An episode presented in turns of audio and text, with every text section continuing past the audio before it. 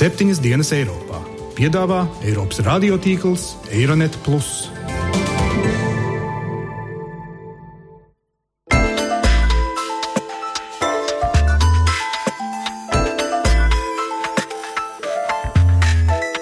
Šonadēļ septiņas dienas Eiropā dzirdēsim. Hokus pokus, abrakadabra.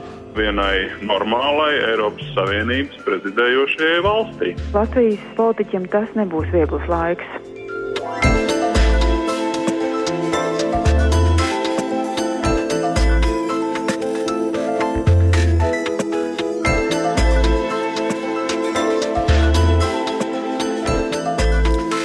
Labdien, godējamie klausītāji! Latvijas radio studijā Kārlis Streips. Ļoti, ļoti laimīgi jums visiem jauno gadu klāt septiņas dienas Eiropā. Raidījums, kur sekojam Eiropas un pasaules notikumiem un spriežam, kā tie ietekmē mūs tepat Latvijā. Hokus pokus, abrakadabra, kā kāds teiks par tiem drusku vēlāk. Šogad īpaši sekosim ne tikai to, kā Eiropas notikumi ietekmē mūs, bet arī to, kā vistiešākā veidā tieši Latvija ietekmēs notikumus Eiropā, jo lai vai kā, mēs esam tagad prezidējošā valsts. Intervijā ziņu portālam BuzzFeed News Latvijas ārlietu ministrs Edgars Rinkevičs nesen teica, Krievijas televīzijas kanālos vairs nav normālu ziņu vai žurnālistikas. Televīzija kļuvusi par informācijas kara un propagandas līdzekli. Tāpēc Eiropā tiekot apspriests priekšlikums izveidot alternatīvu informācijas avotu krieviski runājošajai auditorijai. Tas nav iecerēts kā alternatīvās propagandas avots, bet gan kā normāls Eiropas televīzijas kanāls ar izklaidi un ar faktuāli ļoti precīzām ziņām. Rinkevičs teica, ka aptuveni 15 dalību valstis jau neformāli paudušas atbalstu šai idejai. Par to arī šodien raidījumā, kā Latvija tuvāko pusgadu būs Eiropas Savienības dalība valsts numur viens, un ko darīsim, lai nodrošinātu, ka arī mūsu domas un ieceres tiek iekļautas kopējā Eiropas dienas kārtībā. Bet vispirms esam jums sagatavojuši jaunu raidījuma rubriku, kur uzklausīsim atšķirīgus viedokļus par kādu būtisku vai nozīmīgu notikumu. Šonedēļ par Žanklauda Junkera 300 miljārdu investīciju plānu, ko jau dēvē par Eiropas vēsturē līdz šim vērienīgāko finanšu ieceri.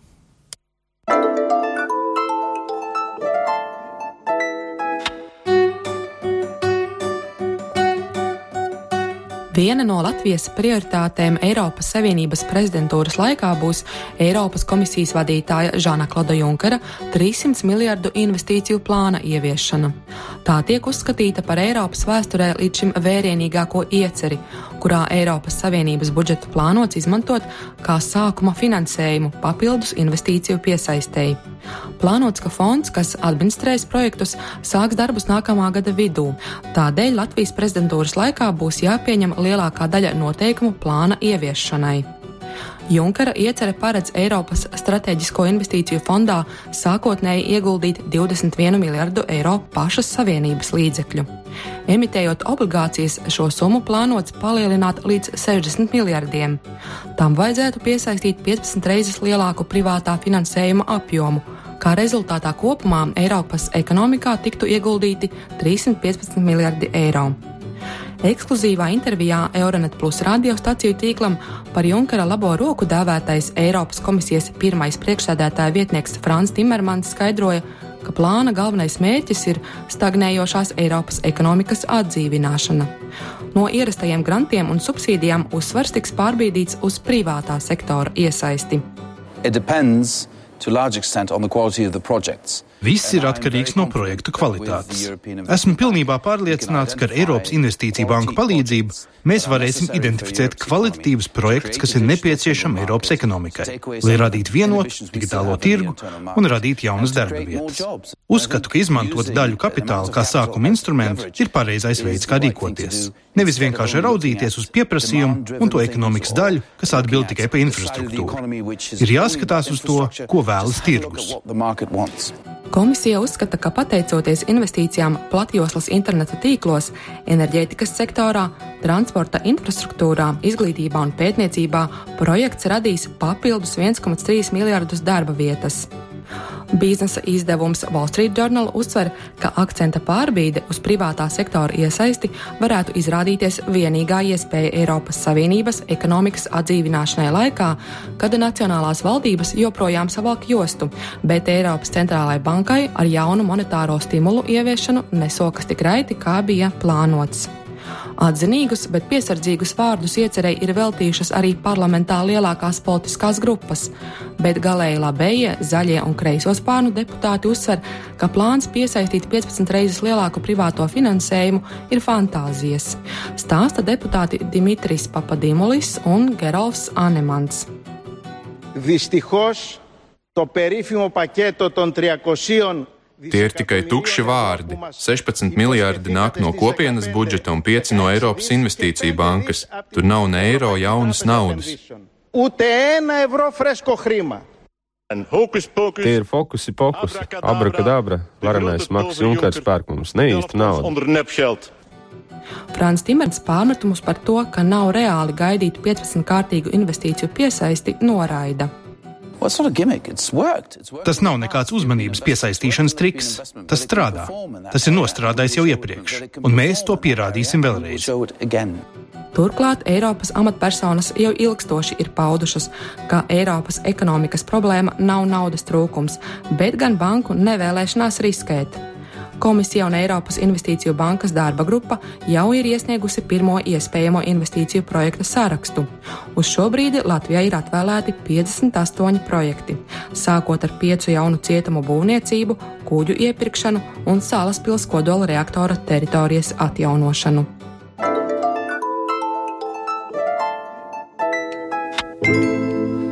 Paldies Gitai Siliņai par šo ziņojumu. Iedomājieties, tik 300 miljārdi un tad vēl 15 reizes vairāk naudas no citiem avotiem. Tur jau runa ir par triljārdiem, un to mēs nevaram iedomāties. Cerēsim, ka kaut kāda nauda nāks arī līdz mums.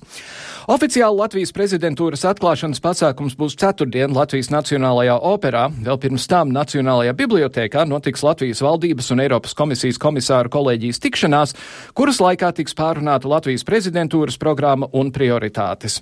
Latvijā arī ieradīsies jaunais Eiropadomas prezidents, bijušais Polijas premjeras Donalds Tusks, kurš tiksies gan ar valsts prezidentu Andri Bērziņu, gan arī ar premjerministri Laimrotu Straujumu. Savukārt piekdien ar augstu līmeņu paneļdiskusijām un ar lekciju par mainīgo attīstības sadarbības politiku notiks Eiropas gada attīstībai atklāšanas pasākums. Vairāk par mūsu pašu gaidām un citu ieteikumiem Latvijai stājoties pie Eiropas Savienības prezidentūras stūres mana kolēģe Jāņa Kropa Sižetā.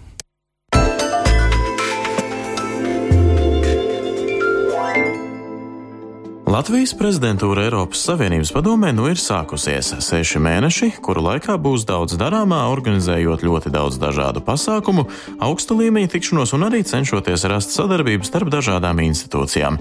Kā atzīst Latvijas prezidentūras Eiropas Savienības padomē sekretariāta direktore Kristīna Palmere, tad visi sagatavošanās darbi ir notikuši atbilstoši iecerētajam. Kā gan veicies, to vairāk stāsta Kristīna Palmere. Protams, lieli resursi ir veltīti Latvijas Nacionālās bibliotēkas iekārtošanai, kā galvenajai sanāksmu norises vietai. Mēs esam atraduši arī iespēju bibliotēkai paralēli funkcionēt kā lasītāju apmeklētāju zonai un prezidentūras zonai. Bibliotēkā un prezidentūras telpās ir ierīkots astoņas sanāksmu zāles, kurā vienlaicīgi var notikt pasākumi. Līdz ar to tāda praktiska aspekta, ja mēs skatāmies, mēs esam gatavi prezidentūrā uzņemt šeit viesus. Protams, ikviena prezidentūra var sastapties ar neparedzētām lietām, kas bieži vien nav mūsu pašu iniciētas, bet drīzāk ir um, no ārpus nākušas kādi neparedzēti jautājumi, kas ir jārisina un uz ko ir jāspēj reaģēt. Ja šādu jautājumu nav, tad, protams, dzīve mums visiem ir daudz mierīgāka un paredzamāka. Šonadēļ jau sākas vairāki pasākumi, kuru laikā jauniešiem ir iespēja piedalīties simulācijas spēlē par neformālo ministru tikšanos. Tāpat tiks izdota Latvijas prezidentūras pastmarka, izveidota īpaša video sērija par Raini un Aspaziju, kuriem šis ir jubilejas gads, un vēl sagaidām Eiropas komisijas kolēģijas vizīte, kuras ietvaros komisāri iepazīsies gan ar saimnes deputātiem, zinātniekiem un akadēmiķiem, gan arī ar dažādām domnīcām bet pirmās nedēļas noslēgumā sagaidām ir konference un Eiropas gada atklāšana, tāpat arī Eiropas padomas prezidenta Donalda Tuska iepazīšanās vizīte. Viens no satraukuma pamatiem varētu rasties, vai mazā Latvija spēs pienācīgi saskaņot sarežģītos Eiropas Savienības dalību valstu viedokļus. Lietuvas starptautisko attiecību un politikas zinātnes institūta pētnieks Ramons Vilpišausks Latvijas televīzijai iepriekš jau atzina, tas nemaz nebūs arī svarīgi. Jums nebūs jācenšas saskaņot dažādu dalību valstu atšķirīgie viedokļi, bet intensīvi jāstrādā ar Eiropas parlamentu. Ņemot vērā, ka Latvijā nesen bija vēlēšanas, jūsu politiķiem būs daudz jāmācās, kā sadarboties ar Eiropas parlamentu un kā būvēt atbalstu saviem piedāvājumiem. Latvijas prezidentūras mērķi ir plaši. Tā ir konkurētspējas sekmēšana, digitālā potenciāla izmantošana un Eiropas Savienības lomas stiprināšana visā pasaulē. Tāpat jau arī saglabājas uzmanība tādās jomās kā nodarbinātība, enerģētiskā neatkarība un investīcija piesaistīšana, bet bez ekonomikas jautājumiem, protams, aktuāls paliek jautājums arī par Eiropas kā ģeopolitiskā spēlētāja lomas pieaugumu. Itālijas ārpolitikas institūta pētnieks Gianni Bonvicini intervijā Latvijas televīzijai uzsvēra, ka Eiropai pagaidām šajā jomā īpaši nav veicies. Eiropieši pēdējos gados ļoti koncentrējušies uz ekonomiskās un finanšu krīzes pārvarēšanu, bet pa to laiku ģeopolitiskā situācija ap Eiropu ir mainījusies. Austrumu dienvidu valsts šobrīd rada lielas bažas, un Eiropai būtu jāmēģina rīkoties kā uzticamam starptautiskam spēlētājam. Līdz šim tas nav izdevies. Tāpat arī bijušās prezidentūras valsts Itālijas pārstāvis Gianni Bonvicini uzskata, ka šobrīd ir pienācis laiks, kad no Eiropas Savienības tiek pieprasīti skaļi saukļi, lai gan pēc Lisabonas līguma prezidējošo valstu ietekme ir krietni mazinājusies. Mums tagad ir pastāvīgs Eiropadomas prezidents, pastāvīgs augstais pārstāvis. Rotējošā prezidentūra ir kļuvusi mazāk nozīmīga. Es teiktu, ka tagad no prezidējošās valsts sagaida ne tik daudz praktiskus soļus, cik spiltus politiskos vēstījumus. Atgriežoties pie prezidentūras praktiskās puses, politologs Ivars Ieps sarunā ar Latvijas radio atzina, ka Latvijai lielākais izaicinājums varētu būt novadīt šo prezidentūru godam. Pieredze augsta līmeņa pasākumu rīkošanā mums ir, bet vai prezidentūras mērogā tas ir vēl labs jautājums. Protams, galvenais ir spēja reaģēt uz dažādiem starptautiskiem izaicinājumiem, kuri skar gan brīvās tirdzniecības līgumu starp Eiropas Savienību un ASV, gan arī Krievijas ambīcijām. Ko mums sagaidīt no Krievijas, to prognozē Ivars Ieps. Pirmkārt, informatīvs dažādus uzbrukumus, bet nu, gal galā mums pie tā nav jāpierod. Mēs jau zinām, kā tas notiek. Tāpatās mēs droši vien varam redzēt arī tur kaut kādas, nu, kā saka, pastiprināt uzmanību mums pievērst, piemēram, saistībā ar to pašu 16. martu. 9. maiju un tam līdzīgām lietām. Katrā gadījumā tie visi ir pietiekoši nopietni uzdevumi Latvijas drošības iestādēm, jo ir pavisam skaidrs, ka nu, mēs esam šajā nevisai patīkamajā ģeopolitiskās nestabilitātes mirklī diezgan ievainojamā pozīcijā, gluži vienkārši tādēļ, ka mēs esam Eiropas Savienības dalību valsts, kas tradicionāli ir ļoti augstu vērtējusi savu piedarību pie NATO. Mēs esam prezidējošā valsts, un mums ir, protams, kā mēs to zinām, arī pietiekoši daudz neatrisinātu problēmu ar Latvijas krievalodīgās minoritātes integrāciju.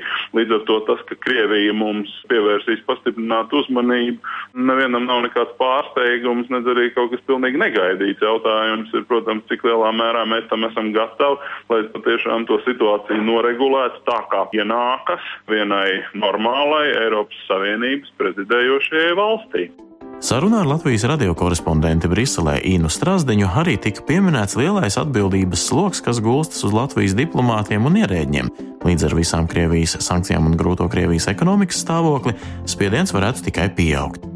Ir dažādi viedokļi. Vieni saka, ka jā, Krievija tagad būs ārkārtīgi pārņemta ar to, kas notiek mājās, bet uh, skaidrs ir viens, ka tas, kas notiek uh, Krievijai mājās, jau ir atkarīgs no tā, kas notiek ārpusē, arī no šīm sankcijām. Un līdz ar to, protams, zināmā mērā var teikt, mēs varam sagaidīt plosīšanos un šo diplomātsko kanālu vēl spēcīgāku iedarbināšanu. Un līdz ar to es personīgi uzskatu, ka šis spiediens būs vēl lielāks un nebaidošā vārda, man liekas, ka Latvijas politiķiem, diplomātiem tas nebūs viegls laiks.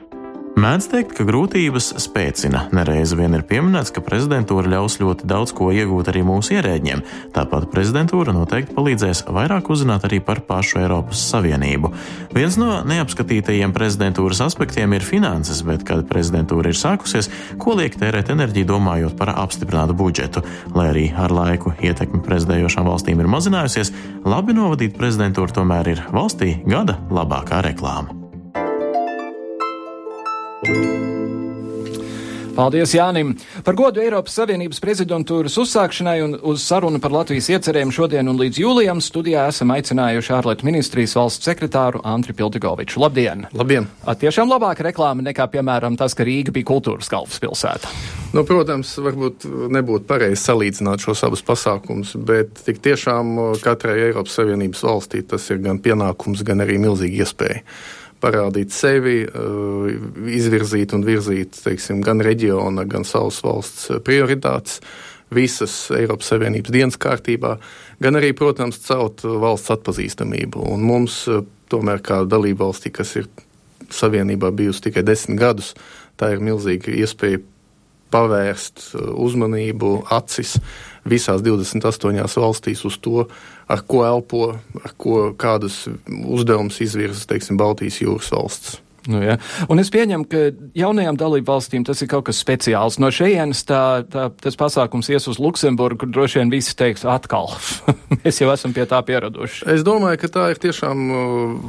Tā ir viena tāda zīme, kas liecina par to, ka visas 28 valsts viņas, uh, ir tādā pastāvīgā miedarbē, mainoties šiem te, šīm prezidentūrām ik pa sešiem mēnešiem. Tomēr Eiropas Savienības dienas kārtība regulāri iegūst svaigas asins, svaigas idejas, svaigas uzsvars. Un tā ir arī, protams, kā jau daži eksperti minēja, tā ir gan ekspertu kalve, gan iespēja gan katras valsts politiķiem, ekspertiem, ierēģiem, uzņēmējiem, NVO pārstāvjiem parādīt sevi, apliecināt savus spējas un uh, celt savu konkurētspēju beig mm -hmm. beigās. Mēs zinām, ka, ka oficiāli viss šis process sāksies šajās nākamajās brīvdienās, operā un bibliotekā un citur. Ar ko pat laban ministrija nodarbojusies, eh, gatavojoties uz, uz šo lietu? Un tas, protams, ir kaut kas, kas ir turpinājies jau gadu un ilgāk. Nu, protams, ka mēs pirmām kārtām slīpējam uh, savus priekšlikumus, savus likumdošanas, teiksim, aktu iniciatīvas tās, uh, tos temats, kurus mēs gribētu paspilgtināt, izgaismot mūsu sešu mēnešu teiksim, šajā te periodā. Un tās ir ļoti konkrētas uh, idejas, uh, likumdošanas akti, direktīvas, kas vērstas uz Eiropas Savienības konkurētspējas celšanu. Protams, ka mēs vispriecīgāk būtu, ja šajos, šajā 2015. gadā, pateicoties daļai arī mūsu darbam, Eiropas Savienība atgūtu ekonomisku izaugsmi. Ekonomiskā izaugsme absolūti ir pats pats galvenais temats un mēs meklējam nozara griezumā un visas savienības griezumā tās rezerves, kur savienība kopumā un varbūt arī Baltijas reģions varētu palielināt savu ekonomisko attīstības gaitu. Mēs saskatām rezerves enerģētikas jomā, enerģētiskā tirgus veidošanā, mēs saskatām rezerves uh, brīvās tirdzniecības teiksim, telpas paplašināšanā gan uz austrumiem, gan uz rietumiem. Es domāju, austrumu partnerības valsts, Ukraina, Grūzija, Moldova, bet arī Amerikas Savienotās valsts, arī Kanādu un arī tālo austrumu lielās ekonomikas. Mēs redzam potenciālu tādām reģionālām attīstībām, un, protams, ka Baltijas jūras reģionam būs liela uzmanība pievērsta.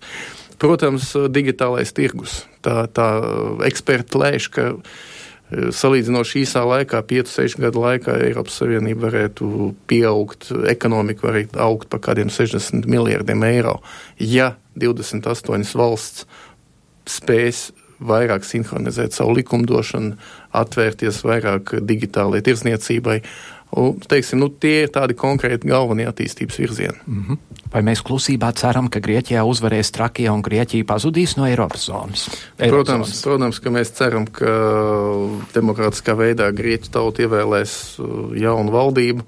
Un, protams, ka mēs ceram, ka Grieķija paliks gan Eiropas Savienībā, gan Eirozonā. Mm -hmm. Cits starpā šis būs Eiropas gads attīstībai. Kas specifiski tiks darīts? Lai tās ir tās pašas lietas, par ko jūs jau runājāt, vai, vai ir arī citi plāni Eiropas attīstībai? Nu, protams, at, attīstība, kā jau es minēju, pirmām kārtām mēs to terminu, to attīstību saskatām ekonomiskas atzimšanas, jaunu, teiksim, skābekļa radīšanai pašai Eiropas ekonomikai, jo es ekonomika ir augusi pagājušajā gadā apmēram 1,5% līmenī.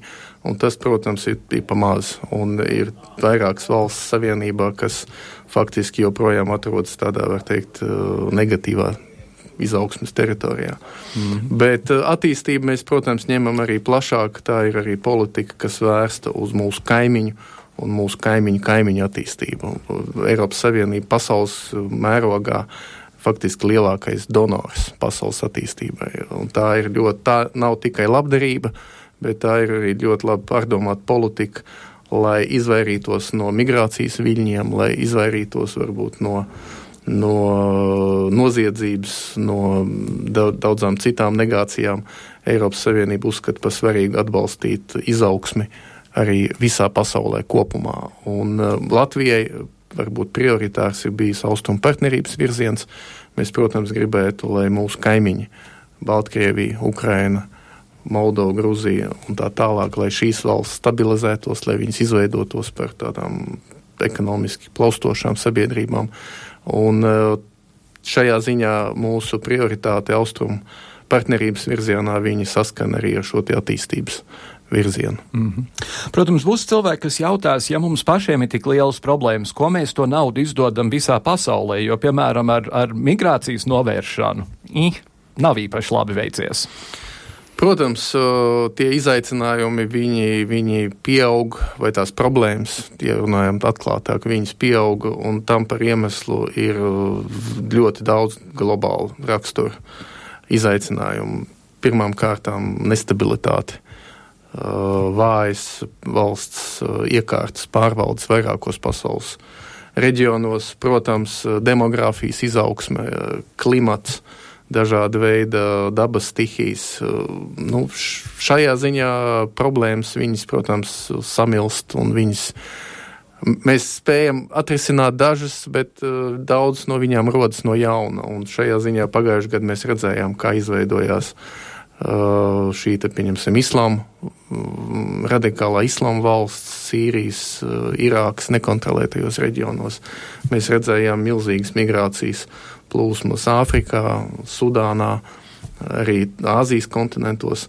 Un tādā ziņā, protams, uh, kritiski jāvērto panāktais. Kaut kas ir izdarīts, ir valsts, kur ir izdevies situāciju stabilizēt, bet, protams, ir reģioni, kur nu, katru dienu rodas jauni izaicinājumi. Protams, ebolas krīze tā arī viena no pagājušā gada lielākajām negaidītām mm, problēmām, kuras, kuras būs jārisina arī šogad. Tā kā mūsu prezidentūras laikā šis sadarbības apvārsnis, viņš tiešām ietvers visplašāko, visneiedomājamāko jautājumu loku. Mums būs jāvada sēdes, jāpiedalās diskusijās, jākoordinē rīcība. Nu, par tādiem tematiem, par kuriem daudz no mums nekad nav domājuši. Mm -hmm. nu, pieņemsim, vīrusu, virusoloģijā, tuberkulozes apkarošanā, ne tikai reģionu mērogā, bet visas pasaules mērogā. Nu, ja. Latvijai ir kaut kāda klātbūtne Sierra Leonā, piemēram. Uh, mums ir tiešām daži izcili ārsti, kas uh, brīvprātīgi ir pieteikušies darbam šajos reģionos. Un uh, ir, ir pārstāvi, kas strādā starptautiskajās misijās gan Sierra Leone. Tā ir vēsturiski izveidojies, ka šī ir viena partneru valsts, ar kuru sadarbojas mūsu bruņotie spēki un, un Mičiganas Nacionālā gvardi. Tā kā ir arī Latvijas pārstāvi ANO misijā šajā valstī. Tā kā ir, ir Latvijas uh, ekspertu klātbūtne arī šajā, mm. šajā valstī. Ja par austrumu partnerattiecību, eh, partnerattiecību programmu man būs interesanti redzēt, pavasarī būs eh, Eiropas Savienības un austrumu partneru valstu samits. Man visinteresantāk būs redzēt, ko tajā samitā teiks armēņi, kuri it kā skaitās vēl austrumu partnerattiecības valsts, bet no šī gada sākuma arī piedalās Krievijas inspirētajā Eiro Savien, Eiro Āzijas Savienībā.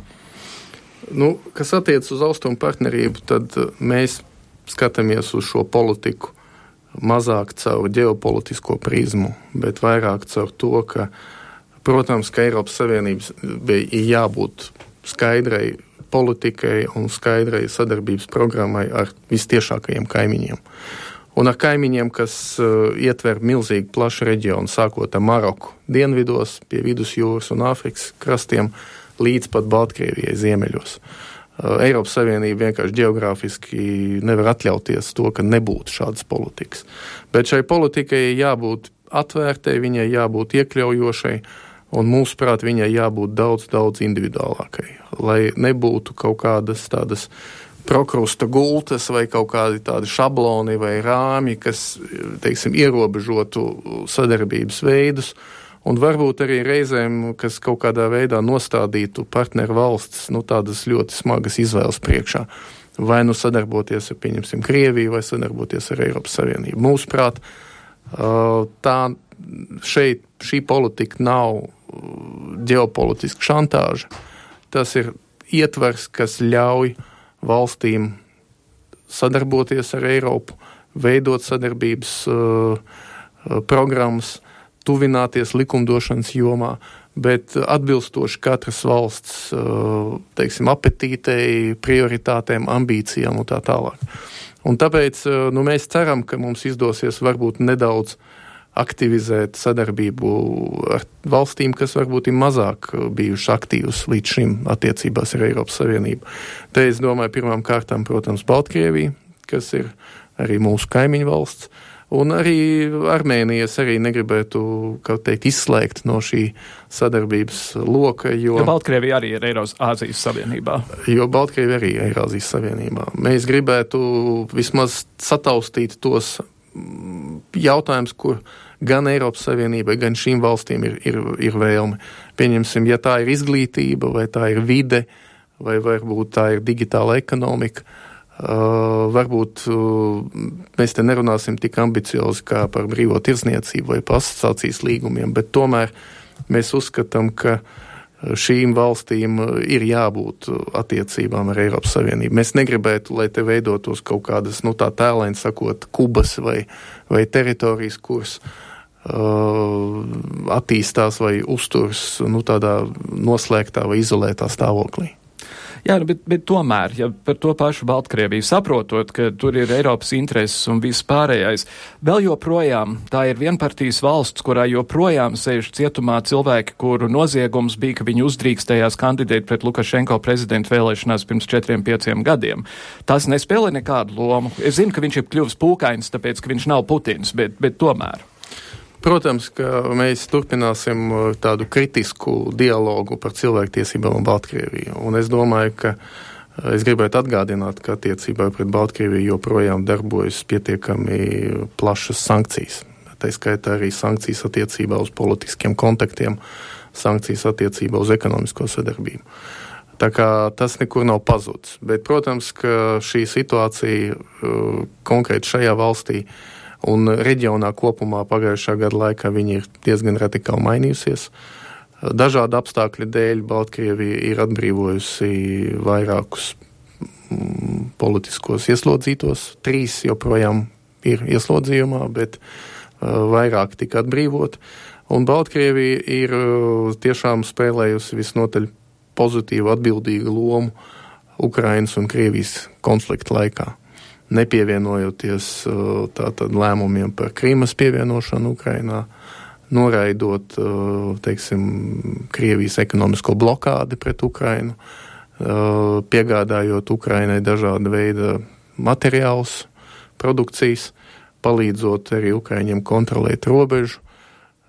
Teiksim tā, Baltkrievija ir spēlējuši pietiekami atbildīgu lomu šajā ziņā, un tāpēc uh, Nu, es nesaku, ka mums ir kaut kādā veidā tāds, kā teikt, Stambuls tirgus jāveic, bet mums nu, objektīvi jāskatās, kā lietas šajā valstī attīstās, kāds ir virziens, kāda ir tendence un uh, skatīties arī, nu, kā attīstās arī Baltkrievijas sabiedrība.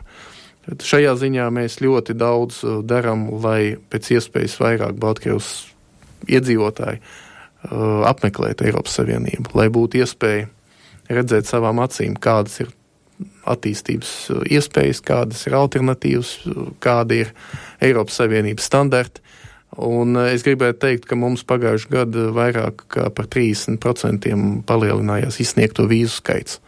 Un mēs esam starp 3. un 4. Schengens valsti, kas izsniedz vislielāko vīzu skaitu. Un mēs esam vienīgā Eiropas Savienības valsts, kas ļauj saviem pierobežas iedzīvotājiem vienkāršotā veidā ceļot uh, starp Latviju un Baltkrieviju. Tā kā uh, es negribētu vienkāršot situāciju, es nedomāju, ka šogad, šajā, šajos sešos mēnešos, mums izdosies pilnībā uh, normalizēt attiecības ar uh, Baltkrieviju ES līmenī. Uh, iespējams, ka gada beigās, oktobrī, novembrī Baltkrievijā būs jaunas arī vēlēšanas. Redzēsim, kā viņas risināsies.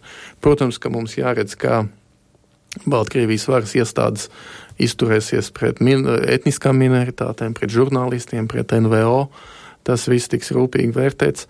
Bet eh, tāpat laikā, ja mums izdosies atrast eh, zināmas saskarsmes punktus no nu, manis nosauktajās jomās, pieņemsim eh, Boloņas standartu teiksim, atzīšanu izglītības jomā, ja mums izdosies paiet uz priekšu dažus soļus jautājumos, kas skar, pieņemsim, vides aizsardzību, teiksim, Daugaus baseina aizsardzību, ja mums izdosies kaut ko vairāk izdarīt attiecībā uz, teiksim, interneta uh, vai digitālo teiksim, standartu sinhronizāciju uz Eiropa, Eiropas Savienības standartiem, protams, nesamazinot mūsu, mūsu standartus attiecībā uz datu drošumu tas uh, tomēr būtu vērā ņemams pro progress.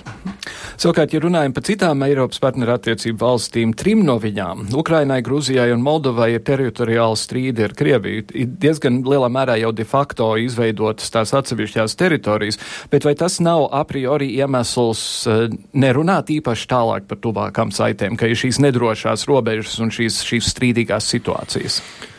Protams, attiecībās ar Krieviju pērnais gads ir bijis ļoti smags, un uh, konflikts Ukrainā, protams, uh, faktiski, faktiski atmet atpakaļ uh, attiecības ar Krieviju, es domāju, par daudziem gadiem, un ir ļoti liels arī neticības, neusticības rops iecirsts.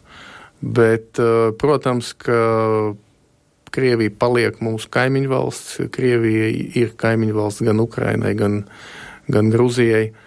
Un tāpēc uh, mēs uzskatām, ka mums jā, jāsaglabā nu, teiksim, tā, abas šīs attīstības takas vai, vai šos abus pieejamības. No vienas puses, protams, mēs uh, joprojām uzturam sankcijas pret Krieviju. Mēs uzskatām, ka tās sankcijas uh, varēs uh, vērtēt, pārskatīt ļoti stingri vērtējot, kas reāli notiek uh, Ukrainas dienvidu austrumos, reāli kā veidojas Kievas un Maskavas dialogs, kā veidojas uh, Kievas attiecības ar, ar Doņetskas, Luganskas uh, pārstāvjiem.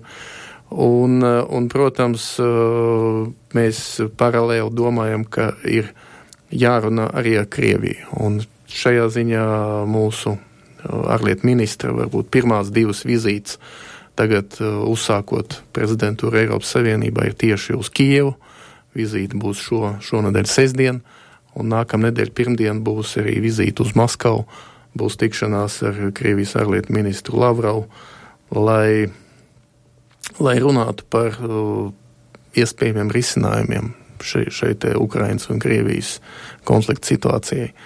Uh, de, 19. janvārī ir paredzēta uh, Eiropas Savienības ārlietu ministru ārlietu ministru sanāksme. Galvenais viens no tematiem būs par strateģiskām attiecībām ar Krieviju.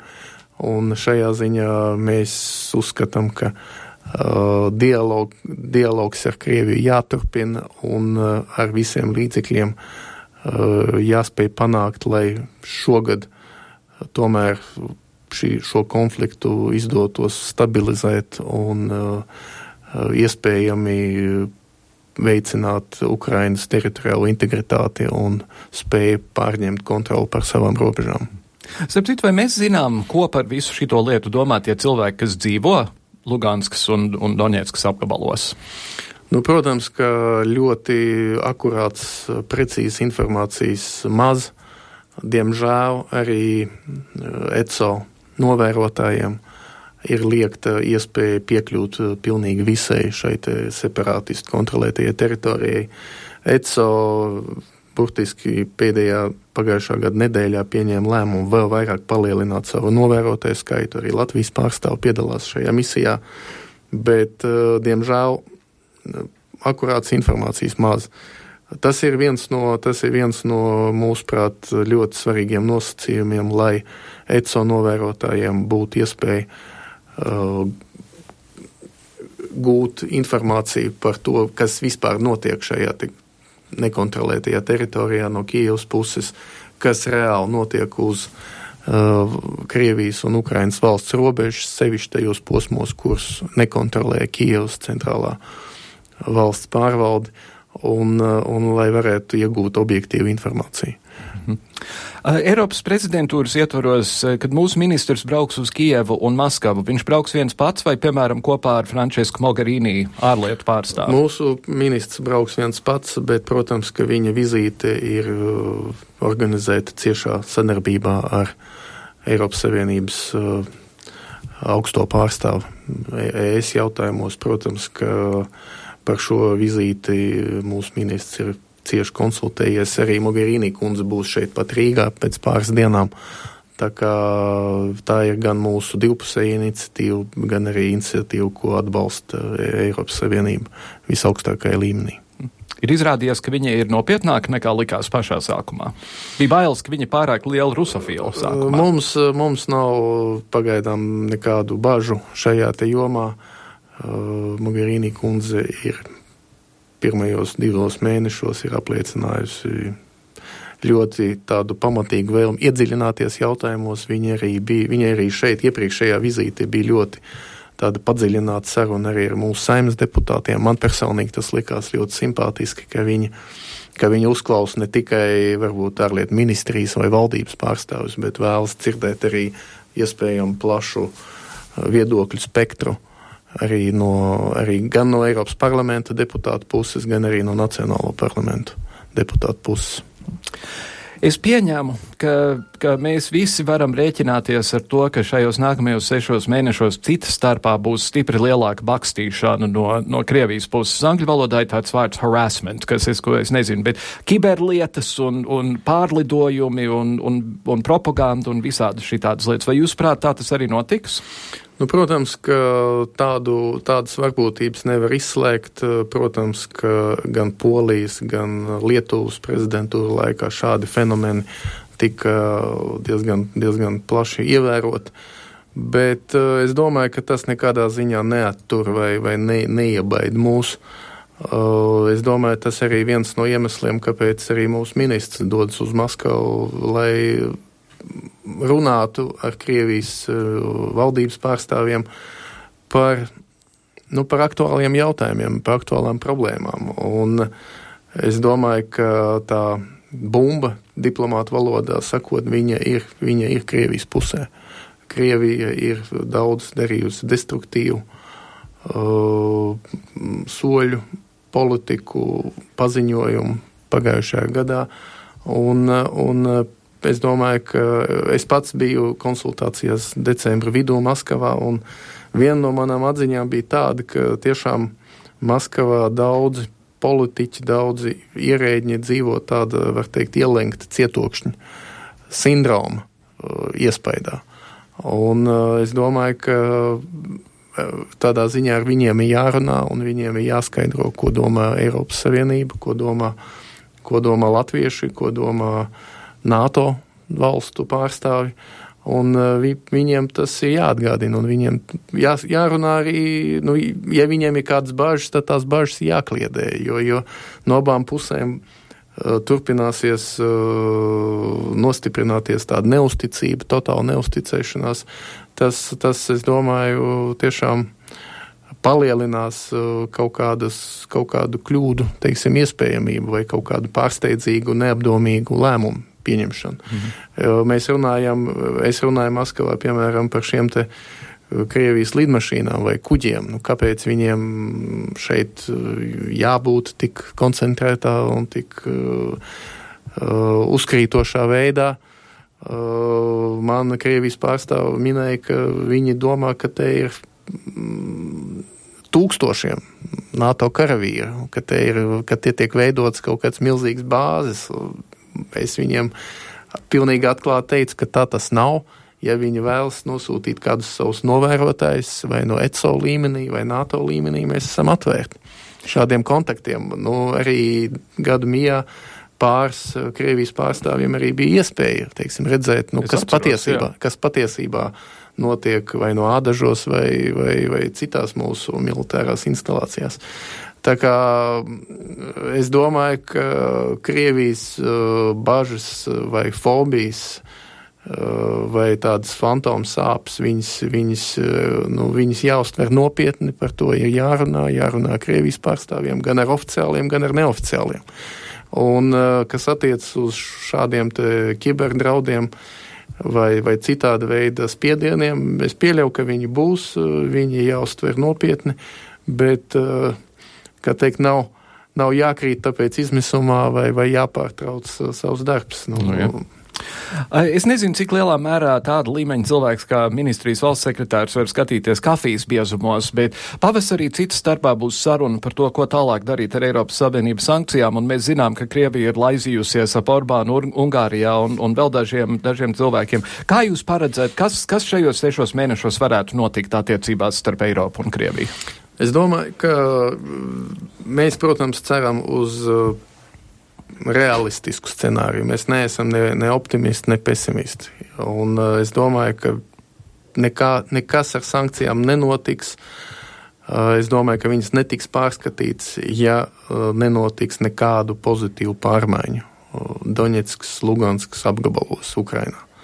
Un, protams, ka, kā jau es teicu, mums, Eiropas Savienībai, NATO ir principiāli svarīgi, lai Ukraina atgūtu uh, fizisku kontroli par savu teritoriju šajos apgabalos. Arī Krimā? Lai Ukraina varētu kontrolēt savu robežu, lai Ukraina varētu uh, sniegt uh, ekonomisku, humanitāru, sociālu palīdzību uh, Doņetskas, Luganskas apgabalu iedzīvotājiem. Uh, ja mēs redzēsim, ka sarunas virzīsies pozitīvā gultnē, ja mēs redzēsim, ka te, šīs teritorijas turpinās dzīvot grivnas Ukrainas valūtas telpā. Nu, tos šādus signālus nosacīt varētu uzskatīt par, par, par pozitīvu attīstības scenāriju. Kas attiecas uz Krīmu, Eiropas Savienības pozīcija ir nemainīga, nemainīga, un viņa pat tika vēl vairāk pastiprināta decembrī. Mēs neatzīstam Ukrainas teritorijas aneksiju, okupāciju mēs neatzīstam arī un liedzam saviem, savām kompānijām veikt saimniecisko darbību šajās teritorijās. Decembrī tika papildināts saraksts arī ar tām ostām, kurās liekts ieceļot uh, gan gaisa kuģiem, gan uh, kuģiem, jū, kuģiem. jūrniecības kuģiem uh, Krīmas ostās. Tā kā šai, šīs sankcijas, kas ietver tieši Krīmu, es domāju, ka viņas arī visticamāk uh, 15. gada laikā paliks spēkā. Ārlietu ministrijas valsts sekretārs Andris Piltikovičs. Paldies jums par sarunu. Paldies. Šekspīrs reiz rakstīja, ne jau zvaigznēm būs virzīt mūsu likteni, bet gan mums pašiem. Toties dažiem var likties, ka nekad neskādēja uzklausīt arī debesu ķermeņu viedokli, it īpaši, ja runa ir par mūsu likteni. Par to, kāds solās būt nākamais pusgads Latvijai kā prezidējošai valstī Eiropas Savienības padomē, astrologs Edijs Spāre. Var prognozēt, ka Latvijas prezidentūras šī pārstāvniecība būs ļoti grūta un smaga.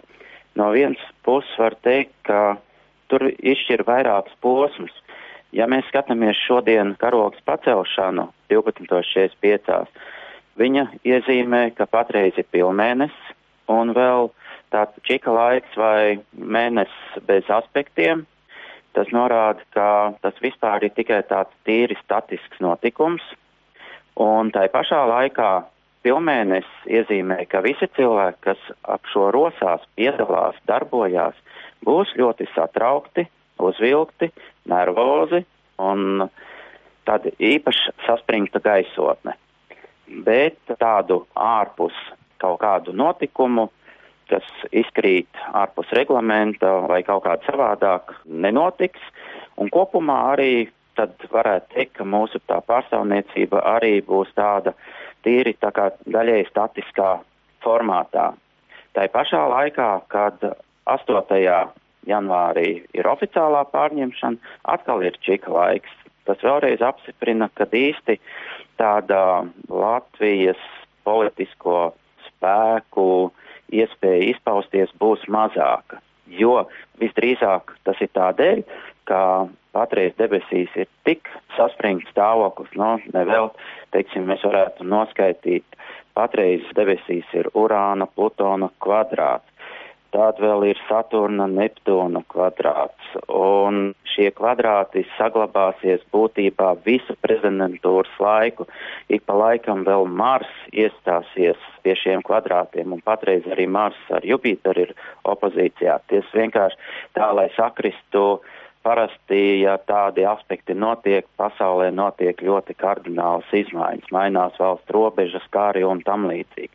Un ja mums ir šī prezidentūra, tad Viņi vairāk norādīs, ka apkārtējie notikumi, ap kuriem virmos gan Eiropas Savienības valstīs, gan arī ap tām politiskā situācija būs tik saspringta, sabiezināta, ka tie saplānotie notikumi, kas ir ieplānoti, viņi vai nu tiks atcelti vai būs tik nenozīmīgi, ka būs jāpieņem jauni darbības veidi.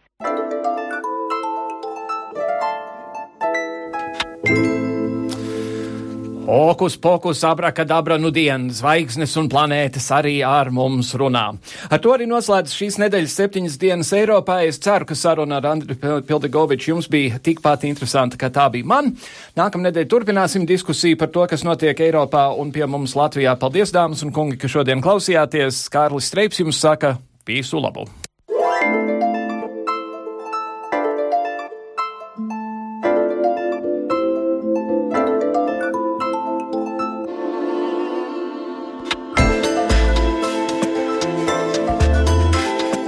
Raidījumu veido Kārlis Streips, Gita Siliņa un Jānis Krops. Producents Lukas Rozītis.